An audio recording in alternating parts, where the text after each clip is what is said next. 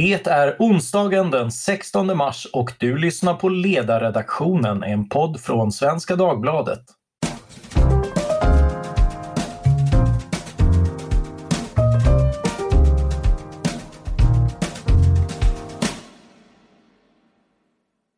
Jag heter Mattias Svensson och dagens ämne är mat och säkerhet. Ja, hur god är vår beredskap? Riskerar maten att ta slut när Ukraina, som står för omkring 10% av den globala veteproduktionen, härjas av rysk invasion? Och Ryssland bojkottas, som utöver att också vara en stor veteexportör dessutom producerar en stor del av världens gödning. Och vilka blir konsekvenserna för Sverige? Med mig för att diskutera detta har jag Jenny Asplund, konsult på livsmedelsbranschens managementkonsulter McLean. Välkommen! Tack, tack! Och Patrik Strömer, näringspolitisk expert med ansvar för totalförsvar, krisberedskap och försörjningsförmåga på livsmedelsföretagen. Välkommen! Tack så mycket! Matpriserna skjuter i höjden och det var en utveckling som var tydlig redan före Rysslands anfall på Ukraina. Om vi börjar där, varför stiger priserna? Ja, de stiger för att eh, kostnaderna ökar. Eh, man måste ha resurser för att producera mat. Det är åkermark, drivmedel, gödning, utsäde och sen behöver man förädla det i fabriker, bagerier, mejerier, slakterier och sen ska det transporteras till människor. Och eh, med höjda elpriser, höjda drivmedelspriser så har det blivit väldigt dyrt. Plus att pandemin har ju liksom tänjt ut hela den globala ekonomin och försörjningskedjorna också. Så att det var inte ett optimalt läge globalt med den här invasionen. Men för svenskt vidkommande var det ju tur att det inte var 2019 som Putin bestämde sig efter att vi hade haft torka året innan. Så nu har vi ju goda kommersiella spannmålslager. Och de här priserna har ju inte helt ännu slagit ut mot konsumenten kan vi ju se, utan de här prisökningarna kommer ju troligtvis att stiga med flertalet procent ännu. Så att det, här, det är ju viktigt att man låter de eh, prisökningarna släppas igenom. Vi får ha en beredskap för detta.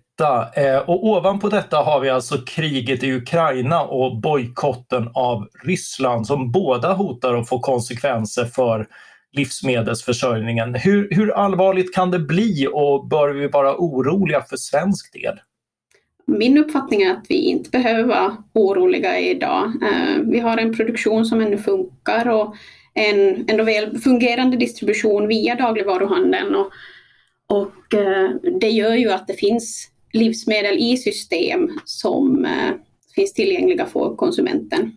Fortgår det här med pris ökningarna som vi har sett nu länge så kan det ju dock eventuellt på lång sikt resultera i eh, konkurser hos både primärproducenter och livsmedelsindustrin. Eh, och då får man ju börja ifrågasätta sig ifall den inhemska produktionen av livsmedel eventuellt kan vara eh, på lång sikt då, i fara.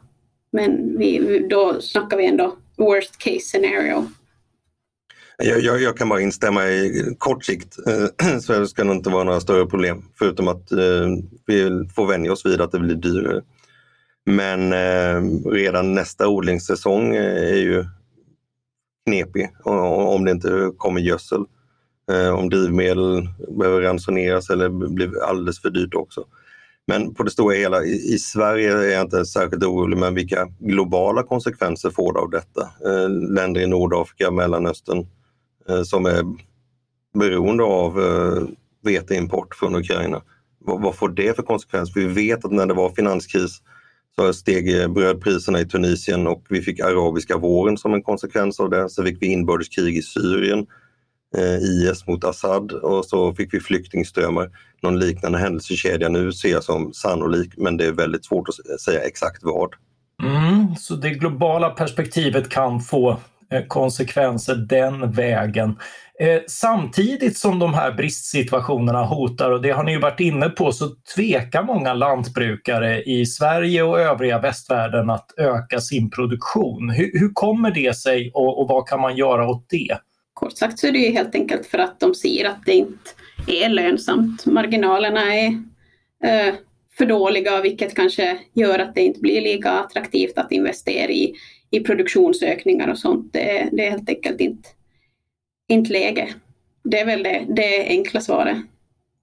Patrik, vad säger du? Nej, samtidigt eh, så, så, kan man ju tänka sig att just nu borde det vara läge eh, i att bruka marken så mycket som möjligt. Men det är klart, EUs eh, jordbrukspolitik eh, kom ju till för att man skulle förhindra svält och underskott på, på mat i Europa. Men det, den innehåller också element liksom av att lägga marken i träda på olika sätt som, som gör att det kan löna sig. Eh, så att det, det finns ju politiskt skapade incitament här också som inte nödvändigtvis hjälper till att få mer matproduktion. Ja, jag tänker man bör förstås alltid fråga sig inte bara vad stat och politik kan göra utan också vad de kan sluta med eller göra annorlunda. Jag läste i Financial Times till exempel att, att vi har väldigt strikta regler mot genmodifiering och, eh, och säkerhetskrav för eh, kemikaliehalter och sånt som hindrar import från stora exportländer som USA och Argentina Plus förstås att, att man, vi sedan länge betalar för att hålla jordbruksmark i träda som nu skulle kunna vara lämplig för att odla exempelvis djurfoder. Kan, eh, är det sånt man behöver diskutera nu? Ja, gud ja, det är ju en extremt komplex, ett extremt komplext system det här med vill man värna om hållbarhet och hela grejen med biologisk mångfald, ha odlingsmarker träda för att säkra regenerativt jordbruk och så vidare. Samtidigt som man ska möta en ökad efterfrågan på livsmedel. Och det här med GMO så är ju intressant just hur det kan vara en del av lösningen på att, att liksom verkligen maximera avkastningen. Men eh, samtidigt så har det den här liksom no-no-stämpeln. Det är en väldigt invecklad diskussion det där. Mm, kan finnas lägen att eh, tänka om tabun. Det är ju en del av vad, vad kristider faktiskt kan föda. Eh, Jenny, du skrev förra hösten rapporten Livsmedelsförsörjning och krisberedskap där du menar att Sverige kan lära av Finlands krisberedskap på livsmedelsområdet. Kan du eh, sammanfatta hur de arbetar? Ja, men precis. Det, de tre största grejerna som jag ser man kan ta liksom inspiration av så är ju dels den här organisationen. Eh, Sverige har ju idag organisation för livsmedelsberedskap och man har organisationer inom de olika områdena. I Finland så är det ju inte samma silostruktur utan vi har en eh, helhetsorganisation i den här försörjningsberedskapscentralen som sen är indelad i de här olika sektorerna då, till exempel livsmedel, transport, energi och så vidare. Och här är det, liksom, det är kommunika kommunikation som sker mellan de här sektorerna och det ser jag som en ganska bra inspiration att inte man har de här silostrukturerna. Inom livsmedelssektorn har man då å sin sida även poler som är inriktade mot primärproduktion, livsmedelsindustri och sen också dagligvaruhandeln. Och där sinsemellan finns det också en väldigt bra eh, kommunikationsstruktur. Så den här samverkansstrukturen och organisationen är en sak. Um, den andra så är det här med finansiering. Uh, det är en avgift som läggs på energi och bränsle som finansierar den här försörjningsberedskapscentralen. Och årligen så ligger den här omsättningen på ungefär 40 miljoner euro. Runda slängar blir ju det 400 miljoner kronor. Um, och det här är ju någonting som kommer in varje år, så den här strukturen för finansiering så saknas ju i, i Sverige idag. Medan det i Finland då läggs väldigt mycket resurser på att bibehålla den här um, strukturen. De här pengarna går ju till insatser för att trygga försörjningsberedskapen, till exempel då avtal för lagring och så vidare. Och det leder mig till den sista punkten som jag inte säger att man behöver um, ta inspiration av, eller man behöver inte ta efter, men man ska definitivt diskutera och det är det här med lagring. Um, I Sverige så pågår just nu utredningar, det pågår diskussioner om hur man ska förhålla sig till det här med lagring. Är det någonting som vi ska ta oss an? Eller är det inte den strukturen vi behöver för att ha den här försörjningsberedskapen?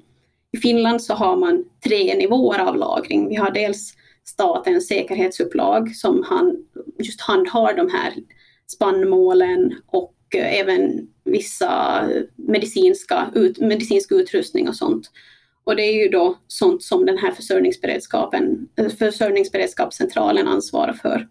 Sen har vi skyddsupplagen som är egentligen eh, baserat på avtal med eh, näringslivet och det handlar om att de egentligen har större omsättningslager än vad de egentligen skulle behöva för att ha i beredskap.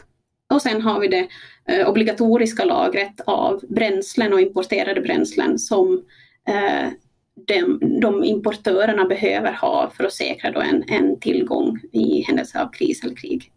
Så det är väl de här tre sakerna, organisation, finansiering och lager, som man i alla fall kan titta in och se hur Finland jobbar och, och hur man kan använda det i Sverige. Ja, vi tittade ju avundsjukt ditåt under eh, initialskedet av pandemin i alla fall när det fanns eh, förnödenheter inom sjukvårdsområdet att tillgå. Eh, om jag går till dig Patrik, hur ser det svenska beredskapsarbetet ut för närvarande? Tittar vi på Finland och finns det andra vi kan lära av? Ja, men vi tittar på Finland och man tittar ganska mycket bakåt också i Sverige hur det var på, under kalla krigets tid.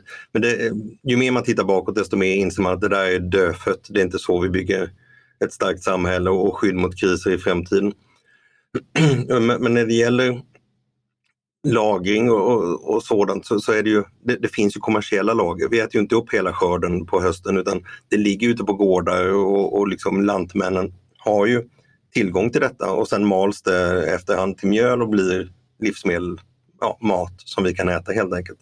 Och det sker ju löpande under året. Så att marknaden har ju egentligen löst det lagringsproblemet. Sen har ju, är ju lagring en kostnad och då måste någon betala för det. Eh, och i, den, i näringslivet så vill man inte gärna ta en sån kostnad, eh, för det har man ingenting för. Eh, och om staten tycker att den tryggheten är värd någonting, då får man ju vara beredd att betala för den. Och de pengarna har inte jag sett i, i, i budgeten ännu. Det finns, vi är inte nära att ha de här typerna av skarpa avtal på något sätt.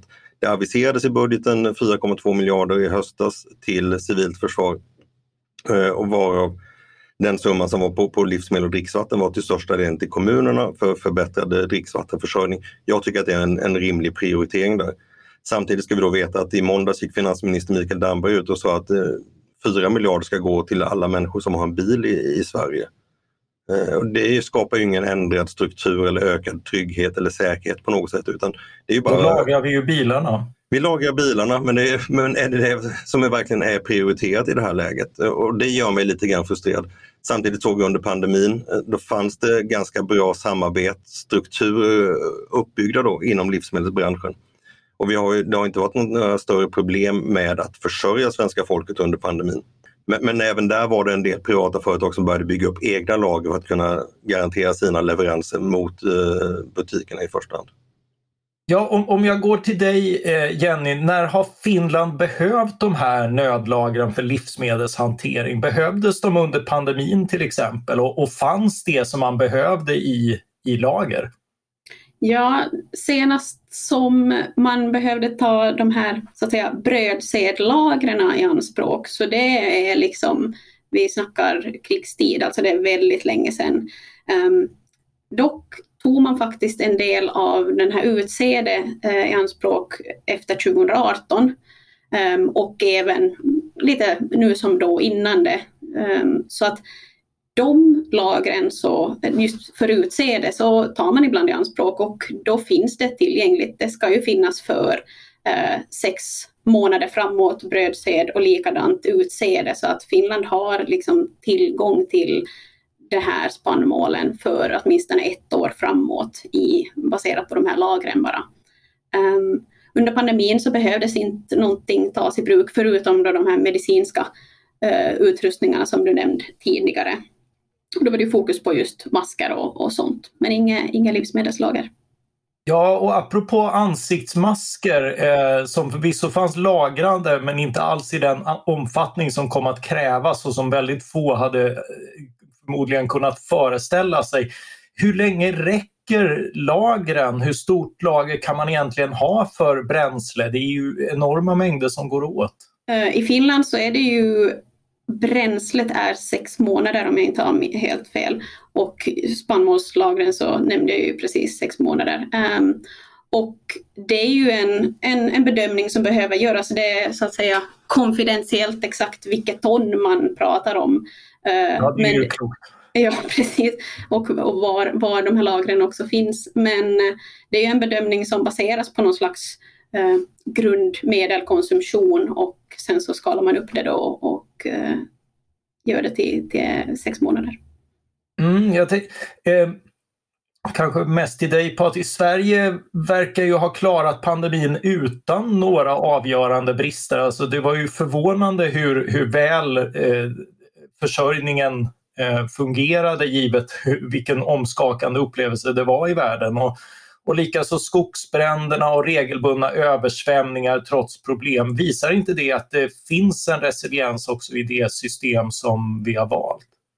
Jo, men det gör det ju. Eh, när det gäller livsmedelsförsörjning så är den ju ganska marknadsbaserad. Alltså det är privata företag som köper in saker, eh, tillverkar produkter och säljer vidare. Och eh, under pandemin så var det ju ganska tydligt också att EU och EU-kommissionen funkade ju som det var tänkt. Så att när enskilda länder ville införa exportförbud så sa kommissionen att det får ni inte göra. Och det kommer att säkra flödena och se till att avtal upprätthölls. Man hade också gröna korridorer vid gränsövergångarna som prioriterade livsmedel. Så att flödena funkade ju rätt väl och, och då, då funkar, det är som ett ekosystem eller en myrstack. Liksom det, det, är uppbyggt utifrån de förutsättningarna som gäller. Eh, och om man inte stör där så då, då klarar marknaden rätt väl att, att, sköta detta. När det gäller översvämningar och, och, och skogsbränder och liknande katastrofer som kommer plötsligt och som innebär störningar då är det först och främst beslutsförmåga som behövs. Eh, och där är jag väl inte jättetrygg med alla myndigheter och liksom politikens möjlighet att snabbt fatta beslut för att visa vad det är som gäller. Inom företagen fattar man ju de besluten snabbt för det är en överlevnadsfråga för företaget som organisation. Och vi såg det när Polarbröd fick en brand i sitt bageri i Norrland så ja, ganska snabbt så fanns det i alla fall Polarkakor i butikerna för man löste det genom avtal med andra bagerier som hade ledig kapacitet. Den beslutsförmågan skulle jag vilja se mer av inom politik och myndigheter för jag tror att den är avgörande när det kommer externa kriser. Uh, har du något att tillägga Jenny? Nej, jag tycker att du fångar verkligen upp alla, alla aspekter där och det här med besluts, beslutsamheten och, och det här så är verkligen någonting som vi behöver ha med oss framöver. Eh, jag tänkte på en annan sak. på att Du sa ju att, eh, att vi inte kan eh, gå tillbaka. Skulle du kunna utveckla det varför, varför en återgång till de stora och fina lager vi hade inte? Två skäl. Det första är att det kostar väldigt mycket.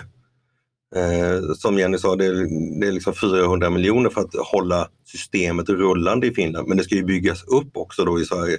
Eh, det kostar enorma pengar. Sen har vi ingen glädje av att det står liksom 3000 ton ärtsoppa i något bergrum någonstans för det måste ju ändå ut till människor. Och det är det som jag tycker är ganska bra då att Livsmedelsverket och Jordbruksverket i sin rapport Livskraft från eh, 2020 visa att det är försörjningsförmåga, alltså hur får människor i sig maten, det är det vi ska sträva efter.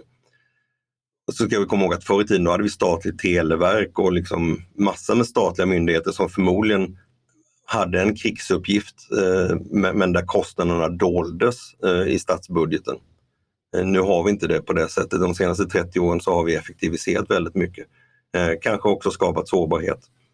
Men eh, det andra är att ska man blicka framåt och ha en bättre beredskap, då är det ju ökad livsmedelsproduktion eh, har jag absolut ingenting emot eh, och mina medlemmar förväntar sig att jag ska kräva det. Men vi kan inte producera för krig och beredskapstider. Vi måste ju ha en fortsatt innovativ livsmedelsproduktion eh, för en exportmarknad också. Ju mer vi producerar i Sverige desto större resiliens har vi och omställningsbarhet. Absolut Vodka är vår enskilt största livsmedelsexportör. Och när flygplatserna och barerna stängde, vad skulle de sälja sin sprit då? Ja, då ställde de om och gjorde handsprit i sjukvården istället. Tack, och det hade, de hade inte kunnat producera den etanolen om vi inte hade haft en fabrik i Åhus, men nu kunde vi det. Den omställningsbarheten kräver att vi har en innovativ och framåtinriktad livsmedelsindustri i Sverige.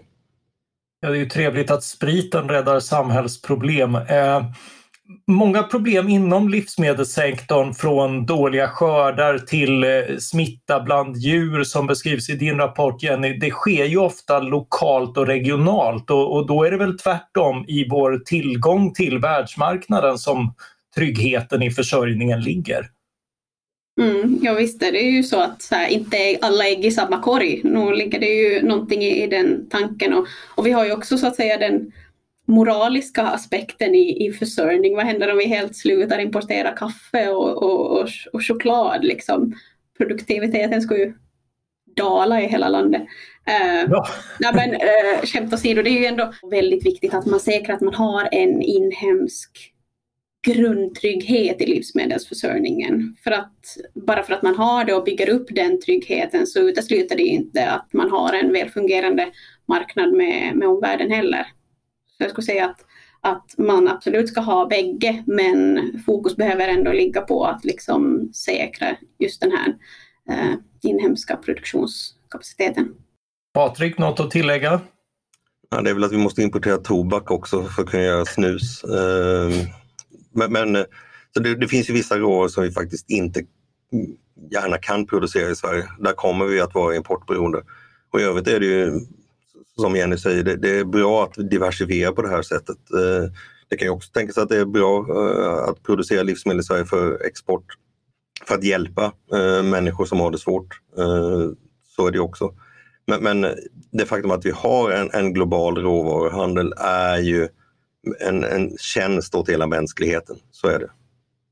Ja, och det är väl lite grann en fråga nu när, när brist hotar i, i världen att det blir också lite en fråga om, om, om internationell solidaritet som rimligen också borde kunna vara, eh, gå att räkna ihop. Eller räknar jag fel här när, när brist hotar?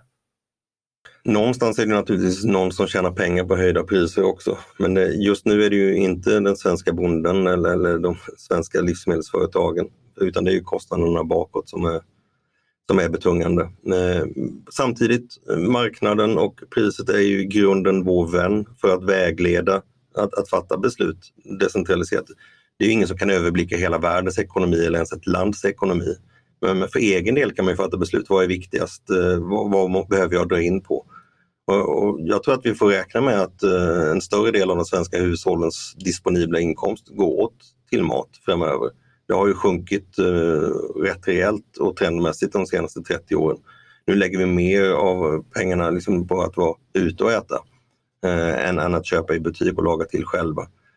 Eh, men, men på det hela, eh, den disponibla inkomsten, där kommer en större andel att eh, behöva gå till livsmedel. Du hade i din eh, rapport Jenny en sidotanke om cirkulär ekonomi eh, där, där ökad svensk eh, produktion av biodiesel skulle kunna vara en del i, i, i liksom både den cirkulära ekonomin och eh, ett ökat oberoende. Och det har vi ju med den här ökade reduktionsplikten noterat inte går helt obemärkt förbi att kostnaderna ökar rätt dramatiskt. Finns det, finns det en gräns för vad egenproduktion får kosta när det, när det inte längre gynnar vår, eh, vår trygghet så att säga? Mm. Ja, men den, den punkten så skrevs just som en tankeställare att ett då importberoende av, i det här fallet, diesel rent så här principiellt skulle kunna ersättas av en inhemskt producerad biodiesel som ju också då skulle kunna sägas bidra till, till klimatomställningen. Dock är ju situationen som den ser ut idag med jag har hört anekdoter om lantbrukare som ställer sina traktorer och tar till häst och vagn för att liksom eh, inte behöva använda traktorn i onödan. Det är ju orimligt att det är på det här sättet. Så att om, om en sån gräns för egen produktion skulle finnas så har ju den krossats. Den har vi gått över förhoppningen är väl att, att få en utveckling liknande den som har funnits för, för vind och sol till exempel där priserna har sjunkit väldigt kraftigt när, när några gått före med ett väldigt högt eh, pris. Så, så det, det, finns ju en, en logik i, i förslaget även om, eh, även om baksidan just nu har, har slagit oss. Mm. Så om vi sammanfattar, hur god är Sveriges beredskap på livsmedelsområdet idag? Jag skulle säga att vi är på god väg. Um, men för att citera en artikel jag läst så är det väldigt mycket powerpoints som snurrar just nu. Um, det som Patrik nämnde, behöver tas beslut och de här ansvariga myndigheterna behöver vara tydliga med direktiv och också tydliga med sin förväntansbild mot näringslivet och aktörer i hela livsmedelsvärdekedjan vad, vad de ska göra för att de är inte en del av det statliga systemet idag. Så att därför kan inte man, utan att det är tydligt, därför kan inte man förvänta sig att de ska ja, ha större omsättningslager bara för att. Så att eh, det är ju trots allt i näringskedjan, i näringslivet som den operativa beredskapen finns. Så på god väg men krävs tydlighet och beslutsamhet. Jag skulle säga att den, eh, beredskapen är bättre nu än vad den var för fem år sedan. För då jobbade inte jag med de här frågorna. men, nej, men det är ju ett, inte för att jag är exceptionell, men det är ju tecken i tiden också att livsmedelsföretag som organisation har en, en åtminstone halvtidstjänst dedikerad åt just detta eh, nu för tiden. Och sen när jag har kontakt med, med medlemsföretagen så det finns ju en oerhörd vilja och beslutsamhet och liksom överlevnadsinstinkt i, i detta. att man, man ser ett samhällsansvar i att svenska folket ska kunna äta sig mätt. Men det är samtidigt inte näringslivet och företag som kan definiera behoven bortom det som vi ser på marknaden idag. Så att eh, se staten liksom på det sättet att det behövs särskilda insatser, ja men då får man ju också vara beredd att betala för det. Eh, på något sätt. För att vi kan ju inte bestämma hur mycket liksom var, var och en av konsumenterna ska äta för någonting eller vilken beredskap de ska ha i sitt skafferi eller hur mycket kommunerna ska eh, köpa upp för att kunna servera offentliga måltider till, till skolbarn.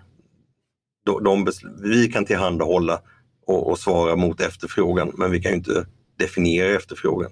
Ja, nej, det var ju ett lite... Eh, P.J. Anders Linder uppmärksammade det här i Access hur eh, eh, apoteksmarknaden avreglerades och så fanns det... Eh, så, så hade ansvaret för eh, lagerhållning av mediciner hamnat mellan stolarna och det visade sig när, när han tittade på utredningen att det, det, var ansvariga myndigheter som skulle beställa det och de hade inte beställt och alltså hade den jäkla marknaden inte inte levererat det. Kontentan är väl lite grann att man får vad man betalar för eh, även på det här området. Eh, det här samtalet har varit fokuserat på kriser och problem, eh, många inom den närmaste framtiden. Om vi avslutningsvis höjer blicken, vilka möjligheter erbjuder livsmedelssektorn och vad ser ut att kunna bli bättre framöver? människor eh, har alltid behövt äta och det kommer vi behöva göra i framtiden också. Och sådana här fantasier om att man skulle äta ett piller och sen är man nöjd och glad. Jag skulle säga att matens sociala aspekt eh, kan inte underskattas. Jag läste faktiskt om eh, ukrainska piroger och Kievkaka på internet för ett tag sedan eh, i början av veckan. Och då var det en mening där som det står Ukrainians are known for their hospitality. Alltså Ukraina är kända för, för sin gästfrihet det var rätt svårt att läsa den meningen utan att ja, bli lite rörd eh, och tagen faktiskt. Och det är ju, mat är mycket mer än näringsämnen och, och kalorier och, och, överlevnad. Det är en del av våra liv, en del av identitet. Och där tror jag att det finns fortfarande väldigt mycket kvar att göra för en eh, påhittig livsmedelsindustri. Ja, när du frågar vilka möjligheter det finns, så jag skulle säga att det finns enorma möjligheter. Och, och, och jag är ju en riktig riktig lokal patriot när det kommer till livsmedel, både i Sverige och i Finland. Um, så jag ser ju med, med, men jag ser med glädje på allt det som händer i Sverige just nu, när det är liksom de här nya sortens livsmedel som svampbaserade proteiner och det är nya saker baserade på restflöden och det är liksom satsningar för att effektivisera jordbruket och så vidare. Så att så jag ser att det, det, finns jättefina möjligheter och så länge som vi som konsumenter sen också vill värna och ja, som det ser ut idag också betala för att det ska finnas ett inhemskt, en inhemsk livsmedelsproduktion så, så finns det ja, stora möjligheter. Jag vill ändå avsluta med att vara lite optimistisk i alla fall. Ja, men det är väl en perfekt eh, avslutning på detta samtal. Då ber jag att få tacka eh, Jenny Asplund, konsult på McLean. Tack så Tack. mycket. Tack. Och Patrik Strömer på Livsmedelsföretagen. Tack så mycket. Tack också till alla er som har lyssnat på ledarredaktionen. Blev ni sugna på mer eller befarar ni att vi saknar smakliga poddämnen? Skicka andlig spis till ledarsidan svd.se ledarsidan svd.se. Jag vill också passa på att tipsa om våra grannpoddar här på Svenska Dagbladet. Dagens Story ger varje dag en matig presentation av ett aktuellt ämne på 15 minuter. Allt medan politiken vanligen på onsdagar harvar vidare i våra herrars hage och skördar nyheter om politik och partier. Producent för det här avsnittet var Jesper Sandström. Jag heter Mattias Svensson och jag hoppas att vi snart hörs igen. Tack för den här gången.